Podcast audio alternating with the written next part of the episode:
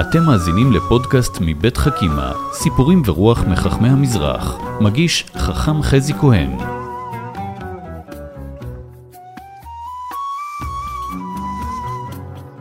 שלום לכם, אתם בפודקאסט של חכימה, סיפורים ורוח מחכמי המזרח. סדרת הסכתים בנושא חכמים, איתכם חזי כהן. והיום אנחנו מפליגים לתוניסיה, לג'רבה שבתוניסיה, אי מיוחד.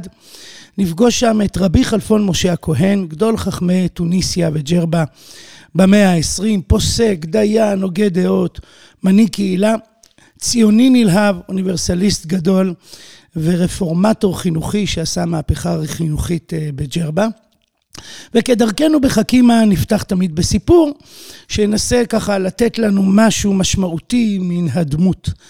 אז רבי חלפון משה הכהן היה מחמיר גדול בענייני מצות, מאוד הקפיד לאכול כל חג הפסח מצה שמורה, בעצם מצה יקרה מאוד, שאת החיטה עוד שומרים מזמן אה, קצירתה ומקפידים מאוד שהקמח יהיה שמור. אה, וגם בכל התהליך מקפידים מאוד, ולכן זו מצה מאוד יקרה. והסיפור שלנו מתרחש במלחמת העולם השנייה. אה, כידוע, הגרמנים הגיעו גם לתוניסיה וגם לג'רבה, עוד נדבר על זה. המצב אה, היה מאוד מאוד קשה, ופסח הגיע, ורבי חלפון משה הכהן פנה לאחד הסוחרים. ואמר לו, תשמע, אני מאוד מקפיד על מצות שמורות, אני אשמח אם תעזור לי לקנות.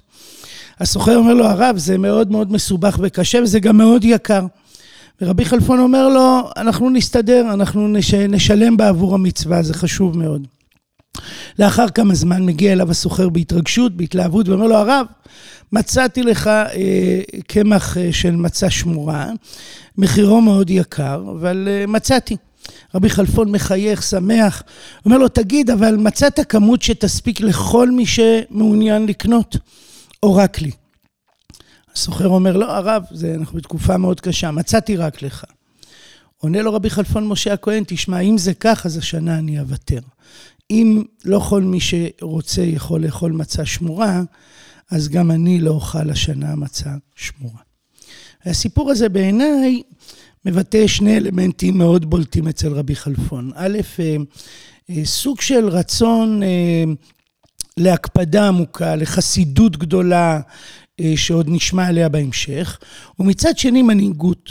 במובן הזה, הוא אה, בימי חול, בימים רגילים, אם אדם לא רוצה לעשות, אה, לקנות מצה שמורה, זאת זכותו. אבל כשאין לו אפשרות כזו, אז זה לא ראוי שדווקא הרב של הקהילה בימים כאלה יזכה למצה שמורה. סוג של מנהיגות, סוג של מבט רחב על הציבור, ושני האלמנטים האלה, מצד אחד המגדלור שבו, מצד שני הקשר שלו לקהילה, לתהליכים שמתרחשים סביבו, זה בעצם רבי חלפון משה הכהן.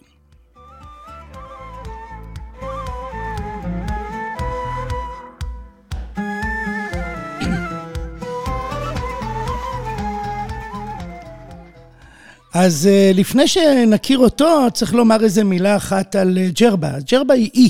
היום היא חצי אי, אבל פעם היא הייתה אי נפרד לחופי טוניסיה, משויכת לטוניסיה, ונדמה לי שההגדרה הכי טובה על היחסים זה אה, יחד אבל לחוד, או לחוד אבל ביחד. ג'רבה היא מדינית, פוליטית, שייכת לטוניסיה, אבל מבחינה הלכתית, רבנית, רבני ג'רבה תמיד ראו את עצמם כעצמאיים. ההתיישבות בג'רבה היא עתיקה מאוד, אולי אפילו מימי בית ראשון וימי שלמה, יש שם אה, מסה אדירה של כהנים, תופעה יוצאת דופן שעוררה שאלות מעניינות, כמו מה קורה כשמתפללים במניין וכולם כהנים, אז איך מסתדרים ברכת כהנים? התיישבות אה, קדומה, מחולקת לשני רובעים, חארת אל-כבירי הגדולה, חארת אל-זרירי הקטנה, ויש שם, הייתי אומר, הבדלים עמוקים בין ג'רבה לטוניסיה, ג'רבה מקום יותר אה, שמרני, מסורתי לעומת אה, ג'רבה, לעומת טוניסיה, ובהמשך נראה שיש מערכת יחסים מורכבת בעניין, עוד נגיע לזה. ובואו ניכנס עכשיו לדמותו, אז רבי חלפון משה הכהן חי בשנים, סליחה, 1874 עד 1950, ממש בין זמננו אפשר לומר. הוא נצר למשפחת רבנים, הוא למד אצל אביו, אבא שלו רבי שלום הכהן, לימים יהפוך להיות רבה של זרזיס, דמות שעסקה הרבה בחסד וצדקה, ויש עליה אה, סיפור או שניים מחכימה, שמאוד מומלצים אה, לקריאה. ובשנת 1892 הוא עובר עם אבא שלו באמת לזרזיס, שנמצאת בתוניס. שם הוא אה, עובד כשוחט, אבל יש לו בעיות ראייה קשות, הוא לא יכול לעבוד, והוא חוזר לג'רמה. כשהוא מגיע לגיל 25, ב-1897, מציעים לו להיות דיין או רב קהילה, מציעים לו כמה וכמה הצעות, הוא uh, מוכשר מאוד, הוא ידען, הוא גם היה סדרן, סדרן במובן שכותב uh, תעודות משפטיות בבית הדין, יש התלהבות ממנו, כולם מכירים בערכו, אבל הוא uh, מסרב, הוא לא רוצה להתפרנס מן הרבנות, הוא uh, ממש ככה מתנגד. עוברות עוד שנים, וב-1917, כשהוא בן 43, נפטר ראש רבני ג'רבה, ולא נותרה לו ברירה. הלחץ עליו גובר, ויש לו תנאי, הוא מוכן להיות חבר בבית הדין.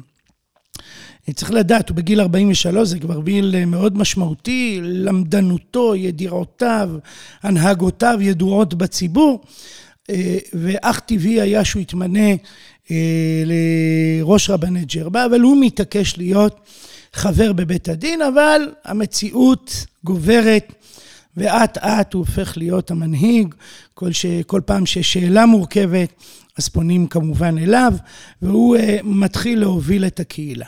תקופה מאוד משמעותית של ההנהגה שלו היא תקופת מלחמת העולם השנייה, כשהנאצים בעצם מגיעים לג'רבה, וכאן מתרחש סיפור מאוד יפה, שאני חושב שמאוד מבהיר אה, משהו על דמותו, ואולי גם אומר לנו משהו על ההנהגה בכלל. והסיפור הוא שכשהנאצים הגיעו לג'רבה, הם אה, בעצם פלשו או חדרו אה, לבית הכנסת בחרת אל-כבירה, ופנו אל רבי חלפון משה הכהן, ואמרו, איימו בעצם, שאם תוך יום לא יאספו 50 קילו זהב, שבת הייתה שבת פרשת תרומה, אם לא יאספו תוך שעות 50 קילו זהב, אז הם יפציצו את הרובע. רבי חלפון הכהן מיד אוסף עולה לתיבה, מדבר אליו האנשים, מסביר שזה פיקוח נפש, ומבקש, מתחנן, דורש שכל אחד ילך הביתה, להביא את כל כספו וזהבו. ואנשים הולכים, מביאים תכשיטים ומטבעות ומה שיש להם בעצם, אבל uh, הדבר uh, ממש רחוק מחמישים הקילו שהגדירו הנאצים, והוא שוב עולה לתיבה והוא שוב מדבר אל הקהל ומבקש שגם את התכשיטים היקרים להם באמת, וגם אולי תכשיטים עם איזה uh, משהו יותר סנטימנטלי, שגם אותם הם יביאו, כי עת צרה היא ליעקב, ושוב האנשים הולכים ושוב מביאים, ועדיין זה לא מספיק. רבי חלפון הולך לחרת אל-זרירי, לרובע הקטן, כולם מופתעים, הוא מגיע בשבת, הוא איש כבר מבוגר, נשוא פנים, הוא עולה לבמה והוא מסביר שיש ממש צרה גדולה ושהנאצים מאיימים להפציץ את הרובע. ובסופו של דבר אנשים רצים אל בתיהם, מביאים עוד זהב, אבל הזהב לא מגיע לכדי 50 קילו. הנאצים עצבניים מאוד, כועסים מאוד. ואומרים שהם נותנים הערכה, ארכה של יממה, ואם אה, לא תהיה תוך יממה השלמה של הסכום, הם יפציצו את הרובע. ונס גדול, באותה מוצאי שבת יש התקפה בריטית והנאצים בורחים מג'רבה. וכששואלים את רבי חלפון משה הכהן, האם הוא לא פחד להסתובב בג'יפ הנאצי וחיילים נאצים אה, תוקפניים, והוא אמר, כשאני חושב על הכלל, אני לא חושב על עצמי. וזה משפט בעיניי מדהים, זו קריאה לכל מנהיג, כולנו מנהיגים בעבודה, בחיים, בהנהגת המדינה, בצבא. זאת אמירה מאוד משמעותית שהייתי מבקש שככה תגיע אל ציבורים רחבים, מעגלים רחבים של מנהיגים בפוליטיקה, שכשאני חושב על הכלל, אני לא כל כך, אני לא חושב על עצמי.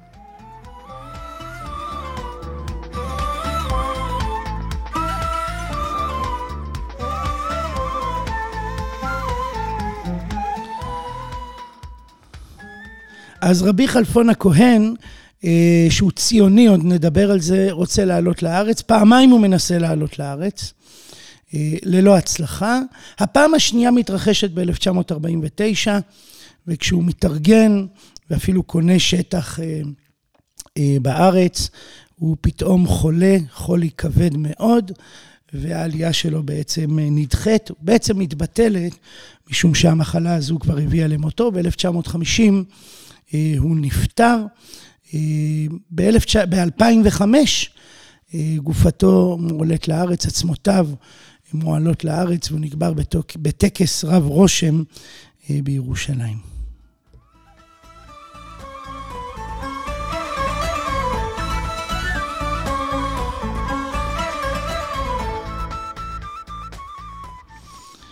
אז רבי כלפון משה הכהן בעצם פעיל בתחומים רבים, וננסה קצת ככה, כמו יהלום, לפגוש אותו מזוויות שונות ולהעמיד לפנינו תמונה שלמה. הוא היה פוסק, פוסק חשוב, פוסק מרכזי, הוא כתב ספרי הלכה, שו"ת שואל ונשאל, ארוך מאוד, שעוסק במגוון עצום של תחומים, גם פסיקה, גם אה, אה, פסקי דין כדיין, דרכי משה, מטה משה.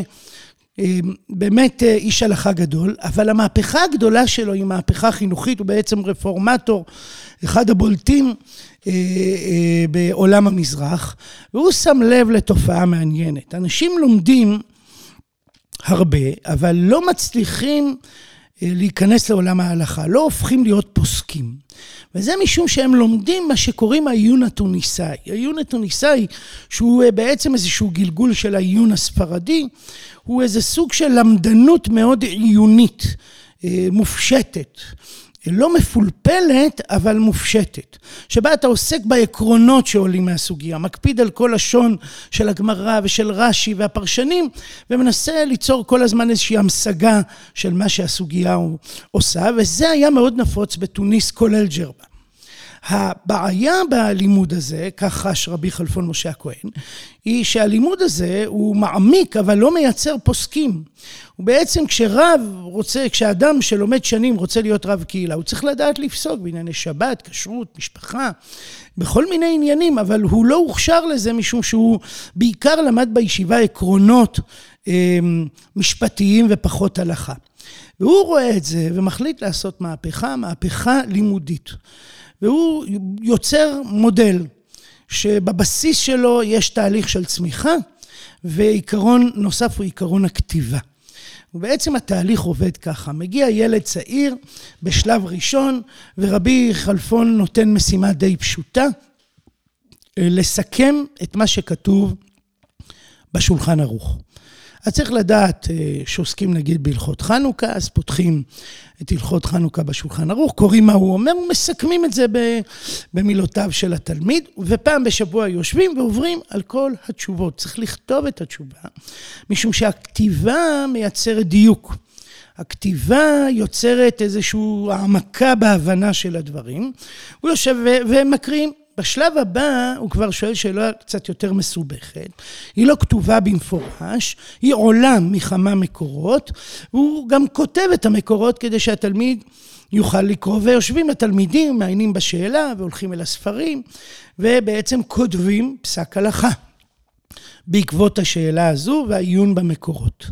ושוב, יושבים וכל אחד מקריא, והרב מאיר דייקת, לא דייקת, שימו לב, הוא כתב כך, הוא כתב כך, מי צודק, בעצם מחנך אותם לפסיקה ולכתיבה מדויקת. בשלב הבא הוא כבר שואל שאלה מסובכת מאוד ולא מגלה מה המקורות שעוסקים בזה, כדי שהתלמיד ילמד לחפש, יעיין בספרות, ינסה להבין באיזה ספר אפשר למצוא מה וכולי, ואז הם יושבים לכתוב, שוב, תשובה מאוד ארוכה ומחודדת, ושוב רבי כלפון יושב עם כולם, כנראה בשבתות, וכל אחד מקריא, והוא דן בתשובה. אט אט צומחת בעצם שכבה של פוסקים בג'רבה, עד כדי כך שהפסיקה הופכת להיות, המוקד עובר לג'רבה ולא לתוניס עיר הבירה. ופתאום קמים תלמידי חכמים רציניים, כמו למשל רבי רחמים חוויטה הכהן, שיחליף אחרי זה את רבי כלפון משה הכהן, והשיטה הזו הולכת ותופסת מקום. יש פה המון אלמנטים בדבר הזה. מהפכה חינוכית, הבנה שההלכה, הרצון שההלכה תהיה תשתית בסיסית לחיים היהודיים והצורך להקדיש לזה משאבים, גם אם לא כלכליים, אלא רעיוניים ומוסדיים וחינוכיים. ההבנה שצריך לעשות את זה כתהליך חינוכי, ההבנה שדברים לוקחים זמן וצריך לבנות אותם בצורה מוקפדת, ונדמה לי שיש פה גם איזו גישה שרואה את הילדים כפוטנציאל. וכאן זה מזכיר סיפור שפעם אחת הגבאים ביקשו, פנו לרבי חלפון משה הכהן ואמרו לו, תשמע, הילדים הורסים את הבית כנסת, באים בשבת, יושבים על הספסלים היפים, מושכים, קוראים, אנחנו רוצים לייצר תפילה בלי ילדים, תפילה מכובדת, שבית הכנסת ייראה יפה כמו שצריך. רבי חלפון הכהן שומע את הדברים. ואומר להם בואו, ולוקח אותם אל ההיכל, היכל הכוונה ארון קודש, פותחים את ההיכל והוא מראה להם את הספרים, כולם מתרגשים, מנשקים את ספר התורה, ורבי חלפון הכהן פותח את הספר, הוא מראה להם את הקלף. כולם בהתרגשות, לא מבינים מה הקשר, ורבי חלפון אומר, תראו, עדיף שתיקחו את הקלף ותפרסו את הקלף של התורה, ותפרסו אותו על הספסלים כדי להגן על הריפוד, וילדים יבואו לבית כנסת. וישבו על יריעות התורה, מאשר שהיריעות יישארו בארון הקודש סגור וחתום, הספסלים יישמרו, אבל הדור הבא לא יבוא לבית הכנסת. גישה חינוכית אמרנו.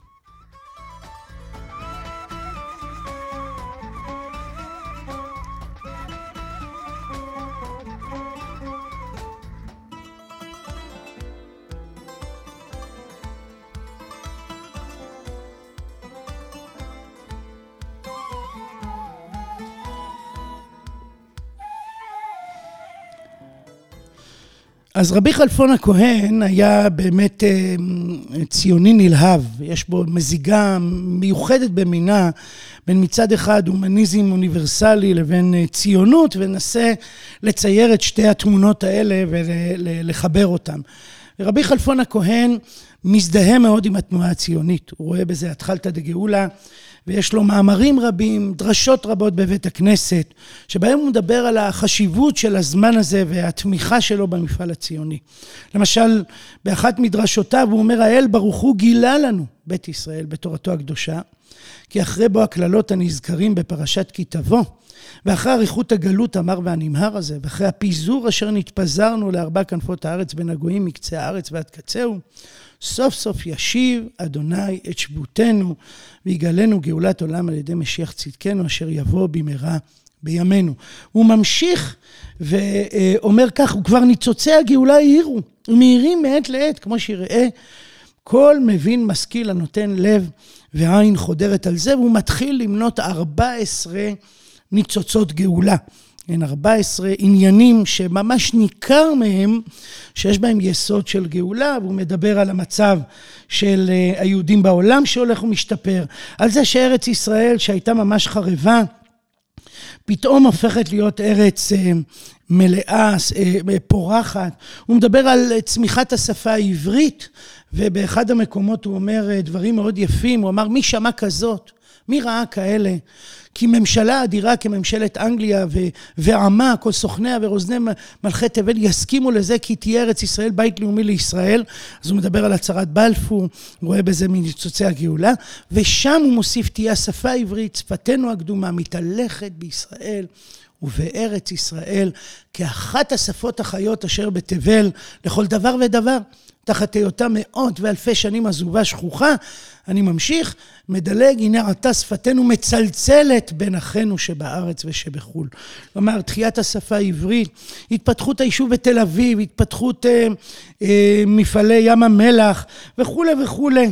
הוא מדבר בעצם על העובדה הזאת שאנחנו נמצאים בתקופה של גאולה. יש לו תגובה נלהבת מאוד להצהרת בלפור, הוא מצטט אותה, הוא קורא אותה, והוא גם מדבר, והוא מודע, הוא מודע שהציונות הוא חילונית. הוא מודע לזה שההתיישבות היהודית חלקה רחוק מאוד מתורה ומצוות, ואף יותר מזה. ובכל אופן הוא בעניין, כלומר הוא מבין היטב, הוא קורא עיתונים, מרחבי הארץ, הוא מודע לכל מה שקורה כאן, ולמרות זאת, הוא תומך נלהב במפעל הציוני. על הרצל למשל, הוא אומר דברים יפהפיים, בימינו אלה. הופיע בקרבנו איש רם המעלה, זך השכל, חד הרעיון, בנימין זאב הרצל שמו. הוא ממשיך ומתאר אותו בהמשך. המציא רעיון נכבד להיות כל איש הבא להסתופף בצל החברה הציונית, ובשם ציוני יקרא. ורבי חלפון מזדהה עם העניין הזה, ודפק על דלתי מלכים ורוזנים לקחת מהם משפט גלוי להיות ארץ ישראל לנו כמלפנים. הוא שותף במפעלים ציוניים, כמו למשל אגודת עטרת ציון שהוקמה ב-1919, הוא אה, שתומכת במפעל הציוני, הוא מדבר ודואג לשפה העברית בג'רבה, הוא מנסה לעודד אותה ולפתח אותה, וכשאנשים עולים לארץ אז יש מענק עלייה, אבל המענק עלייה הוא לא פה בארץ אה, למי שעולה כמו היום, אלא מענק עלייה של הקהילה שבעצם מבקשת לעודד את העולים ומבינה שמצבם הכלכלי יהיה לא פשוט, ומנסה בעצם לסייע להם להגיע לארץ ברווחה מסוימת. נדמה לי שיש סיפור שמבהיר היטב ומקפל בתוכו המון דברים ממה שאנחנו מדברים היום, וזה הסיפור על ספירת העומר, שאני חייב כאן לספר אותו. רבי חלפון משה הכהן, מגיעים, מגיע אליו זוג. נכנס, הימים ימי ספירת העומר, ובמתח מסוים על פניהם יש מתח, ואומרים לו הרב, אנחנו מאורסים, מזל טוב, מזל טוב, ואנחנו רוצים לעלות לארץ, נפלא, מזל טוב, אז למה פניכם כל כך, למה אתם מתוחים? ואומרים לו, תראה, אנחנו עוד לא התחתנו, אנחנו אמורים לעלות לארץ ממש בקרוב, תוך שבועיים, ואנחנו רוצים לעלות נשואים. אנחנו לא רוצים לעלות בנפרד. אנחנו רוצים כבר להתחתן, אנחנו רוצים לעלות כנשואים, זה יותר טבעי, יותר נכון, ורבי חלפון אומר, אתם צודקים. והזוג אומר, אבל הרב, ספירת העומר, הימים הם כבר הימים שאחרי ל"ג בעומר, בין ל"ג בעומר לשבועות. ובהמון מעדות ישראל, בימים האלה כבר אפשר להתחתן, מל"ג בעומר או ל"ד בעומר והלאה. אבל בג'רבה המנהג הוא לא להתחתן כל ימי ספירת העומר. והם יודעים שרבי חלפון דחה חתונות של אנשים שרצו להתחתן בין ל"ד בעומר לשבועות, משום שהוא מאוד הקפיד על המנהג של ג'רבה. והם לכן היו מתוחים. ורבי חלפון שוקל, מסתכל ושוקל, ואומר להם, תראו, על המנהג הקדוש שלנו, הקדום שלנו, אני מאוד מבקש לשמור. מצד שני, אני מאוד מבין את הצורך שלכם, ולכן הפתרון יהיה שתיסעו לתוניסיה, עיר הבירה, שם כבר נוהגים להתחתן. אחרי ל"ד בעומר, תתחתנו שם ותעלו לארץ נשואים. הזוג מרוצה ושמח, נפתרה לו הבעיה. אבל משהו מטריד אותם, והם שואלים, הרב, אבל, אבל היו פעמים ששאלו אותך את השאלה הזו, וגם לא הסכמת שייסעו לתוניס. אמרת שגם אם מישהו מג'רבה נוסע לתוניס, הוא צריך להקפיד עדיין על המנהג של ג'רבה ולא להתחתן בימים האלה. רבי חלפון אמר, נכון, נכון, אני מאוד מקפיד על מנהגי ג'רבה, אבל בשביל ארץ ישראל צריך לעשות uh, מאמץ.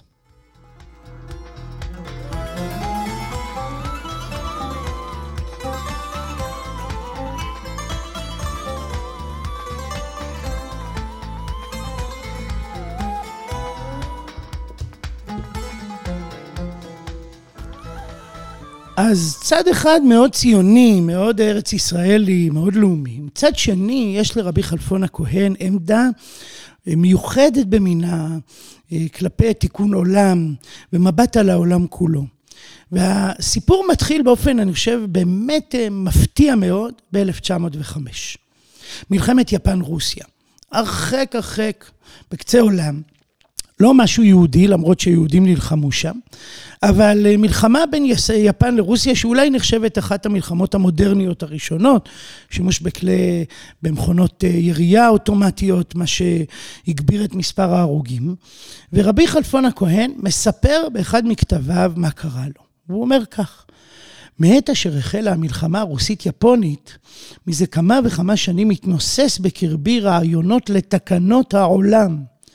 והזכרתי על גיליונות, כלומר כתבתי את זה, את אשר הגה והרה לבבי ולא יכולתי לחוות עדיי ברבים רק לאנשים בודדים, אחת אחת לפרקים שונים. כי זכלתי וירא לדבר בדברים העומדים ברומו של עולם, ואנוכי לא למדתי חוכמה ומדעים בינלאומיים וכולי, יחסים בינלאומיים. ולא הכרתי נתיבי ושבילי הממלכות וחוקותיהם.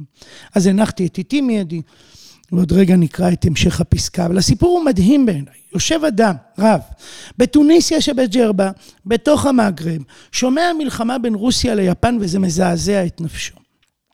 הוא שואל את עצמו לא רק את השאלה היהודית, הוא שואל את עצמו את השאלה האנושית, הכלל עולמית. אומר לעצמו, חייבים לייצר סדר יום חדש. נדמה לי שהוא אחד הראשונים שחושבים על זה, בוודאי בעולם היהודי ובכלל. אני מזכיר שעדיין עוד לא הוקם, לא רק האו"ם שקם אחרי מלחמת העולם השנייה, אפילו חבר הלאומים קם אחרי מלחמת העולם הראשונה, אנחנו מדברים אה, על 15 שנה קדימה.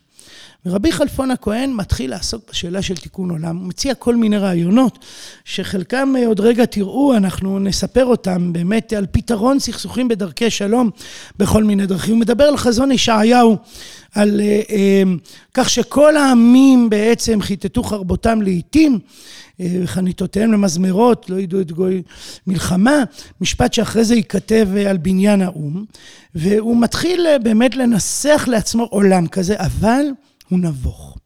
א', אין לו למי לספר את זה. אין לו שותפים, אנשים בתוניסיה שבג'רבה עסוקים בחיים עצמם וביחסים בין המוסלמים ליהודים, שידעו עליות ומורדות.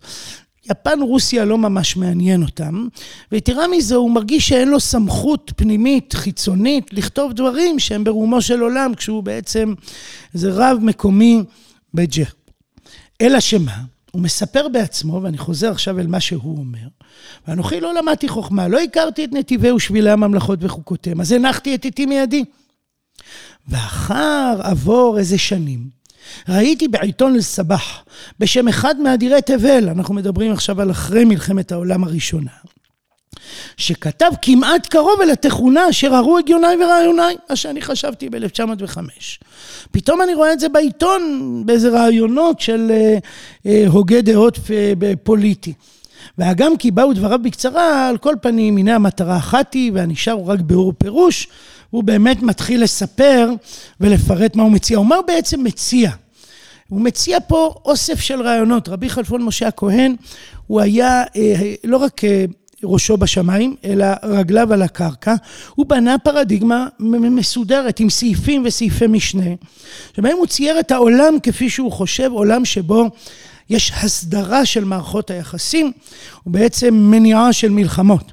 למשל, הוא מדבר על בית דין כללי, ריפובליק כללי, כל בעל שכל ישר רואה טובת העולם ואנשיו, אני מצטט ממנו, ולא אביט להנאתו העצמית. או לאיזה הנאה ורצון, רק באופן חופשי ודרורי, תקשיבו למילים שמדברות על חירות וחופש. מדבר על זה שבאמת צריך לקבוע מקום. ויסכים כי נחוץ מאוד מאוד להיות בעולם מקום מיוחד, אשר יהיה בו ועד בית דין. רבי חלפון עוד רגע, תראו מאוד הוועדות. אה, ועד בית דין כללי לכל העולם כולו, במטרה שיהיה בית משפט היותר גבוה, אשר על פיו יחנו, על פיו יישאו כל בני אדם, כקטון, כגדול, כמלך, כחלך. כלומר, כחלק. כלומר, אה, האם הוא מתכוון לאו"ם או לבית דין לפשעים?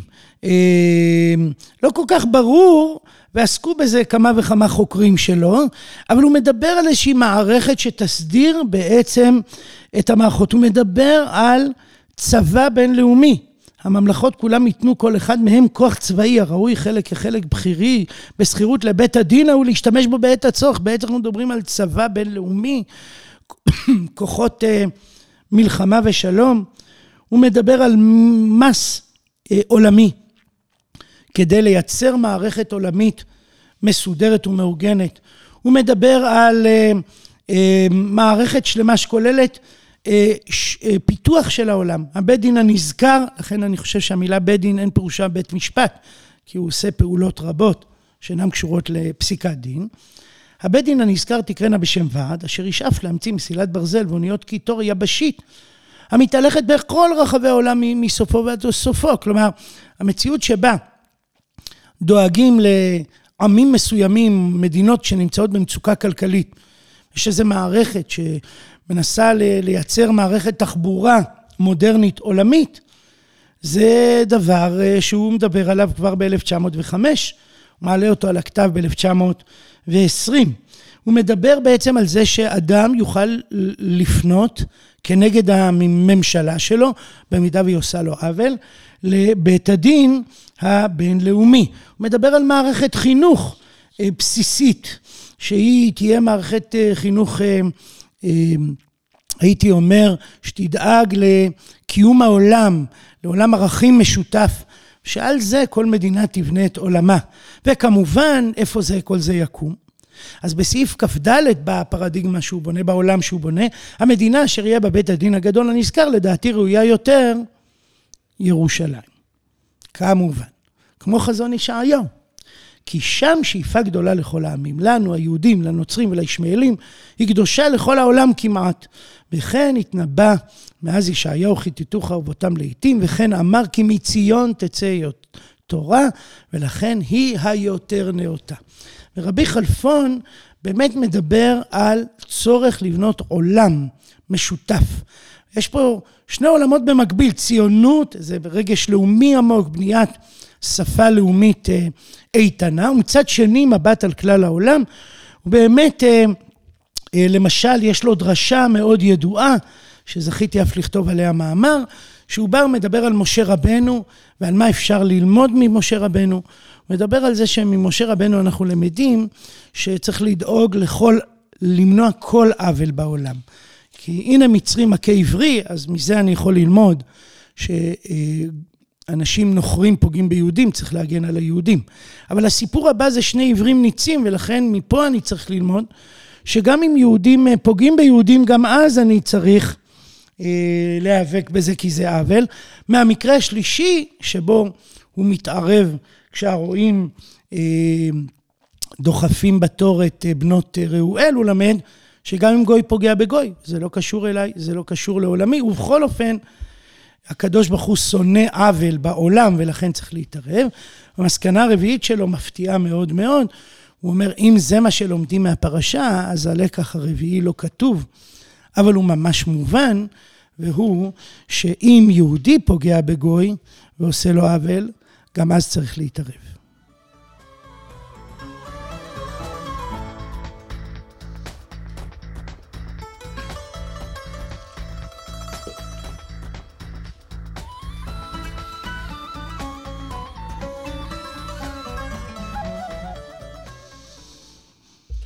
רבי חלפון הכהן אמ, התנגד מאוד לכניסת ההשכלה לג'רבה, ממש. הוא ובן דודו, הרב מרדכי מאייס הכהן, התנגדו מאוד, ניסו לבלום את כניסת כי"ח.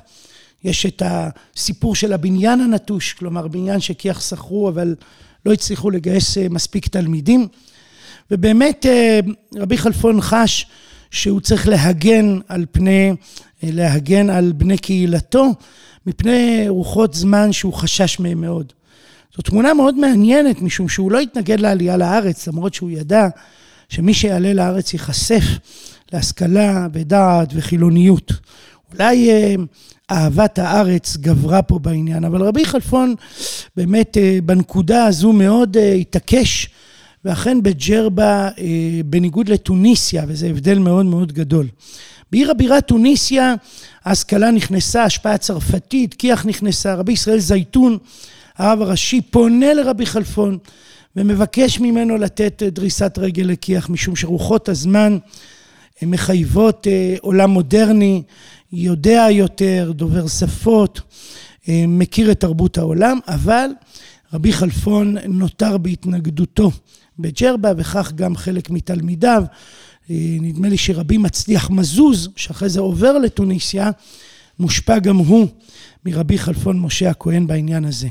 רבי חלפון, כפי שאמרנו, הוא מנהיג, הוא פועל במעגלים שונים, הוא פוסק הלכה, הוא רפורמטור חינוכי, הוא דרשן, זה עוד עניין אחד שצריך להכיר, יש לו אה, ספרי דרשות רבים, הוא אה, דורש בבית הכנסת בפני קהל רב, יש לו סגנון דרשות ייחודי מאוד, סגנון ישיר ובהיר.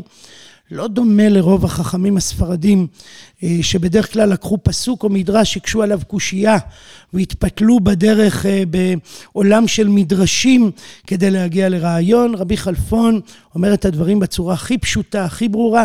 לפעמים אתה אפילו חושב שהפסוק הוא רק ההזדמנות, אה, הדרך לחבר את זה לפרשת השבוע, אבל הדרשה היא המוקד. וכשאתה לומד את ספרי הדרשות שלו, אתה פוגש באמת את דמותו הרב-גונית, את ידיעותיו הרחבות בהלכה, בהגדה, את העובדה שהוא מודע מאוד למתרחש סביבו, שהוא מבקש להגיע לתיקון גדול, שהוא מעודד את הקהילה שלו לציונות אה, נלהבת, ובמקביל גם ער לקשיי העולם כולו וקורא לתיקון עולם. הדרשות שלו מאוד אה, אה, בהירות ופשוטות, אבל מאוד מרחיבות דעת ומיוחדות בתכנים שלהם.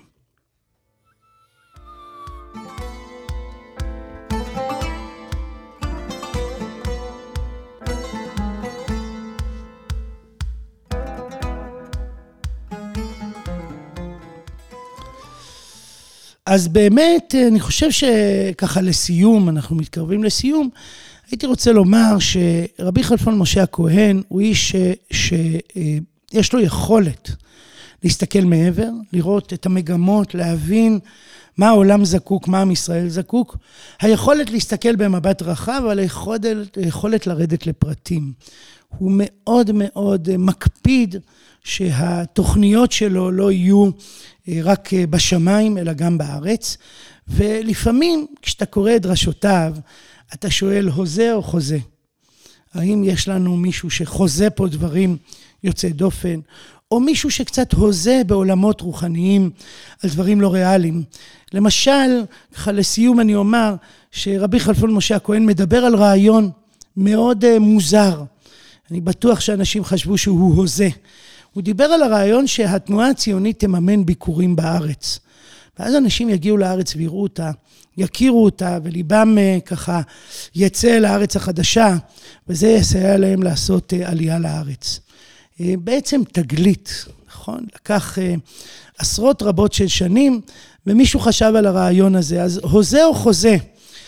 או הוא מדבר על הרעיון של מטבע בינלאומי שיאפשר, הוא מדבר יחקור להמציא אבד, יחקור להמציא מטבעות שווים בשם מידה ומשקל לכל הממלכות. מטבע בינלאומי שיסייע במסחר בינלאומי. אה, זה קם, זה יקום, זה הדולר, זה הביטקוין. אני לא יודע, אבל הוא הוזה או בעצם חוזה. אולי בעצם מי שהוזה יכול להיות חוזה, ורבי חלפון משה הכהן, יש לו מקום של כבוד בעולם הזה של בניית אה, הסתכלות על העולם, העמקה בהבנתו, היכולת לצייר חזון שאפילו חלקו עדיין לא קרה ויקרה בעזרת השם בשנים הקרובות. האזנתם לחכימה, סיפורים ורוח מחכמי המזרח. פודקאסטים נוספים תמצאו באתר חכימה מבית מטח, בתמיכת משרד החינוך, קרן אביחי ומשרד ירושלים ומורשת.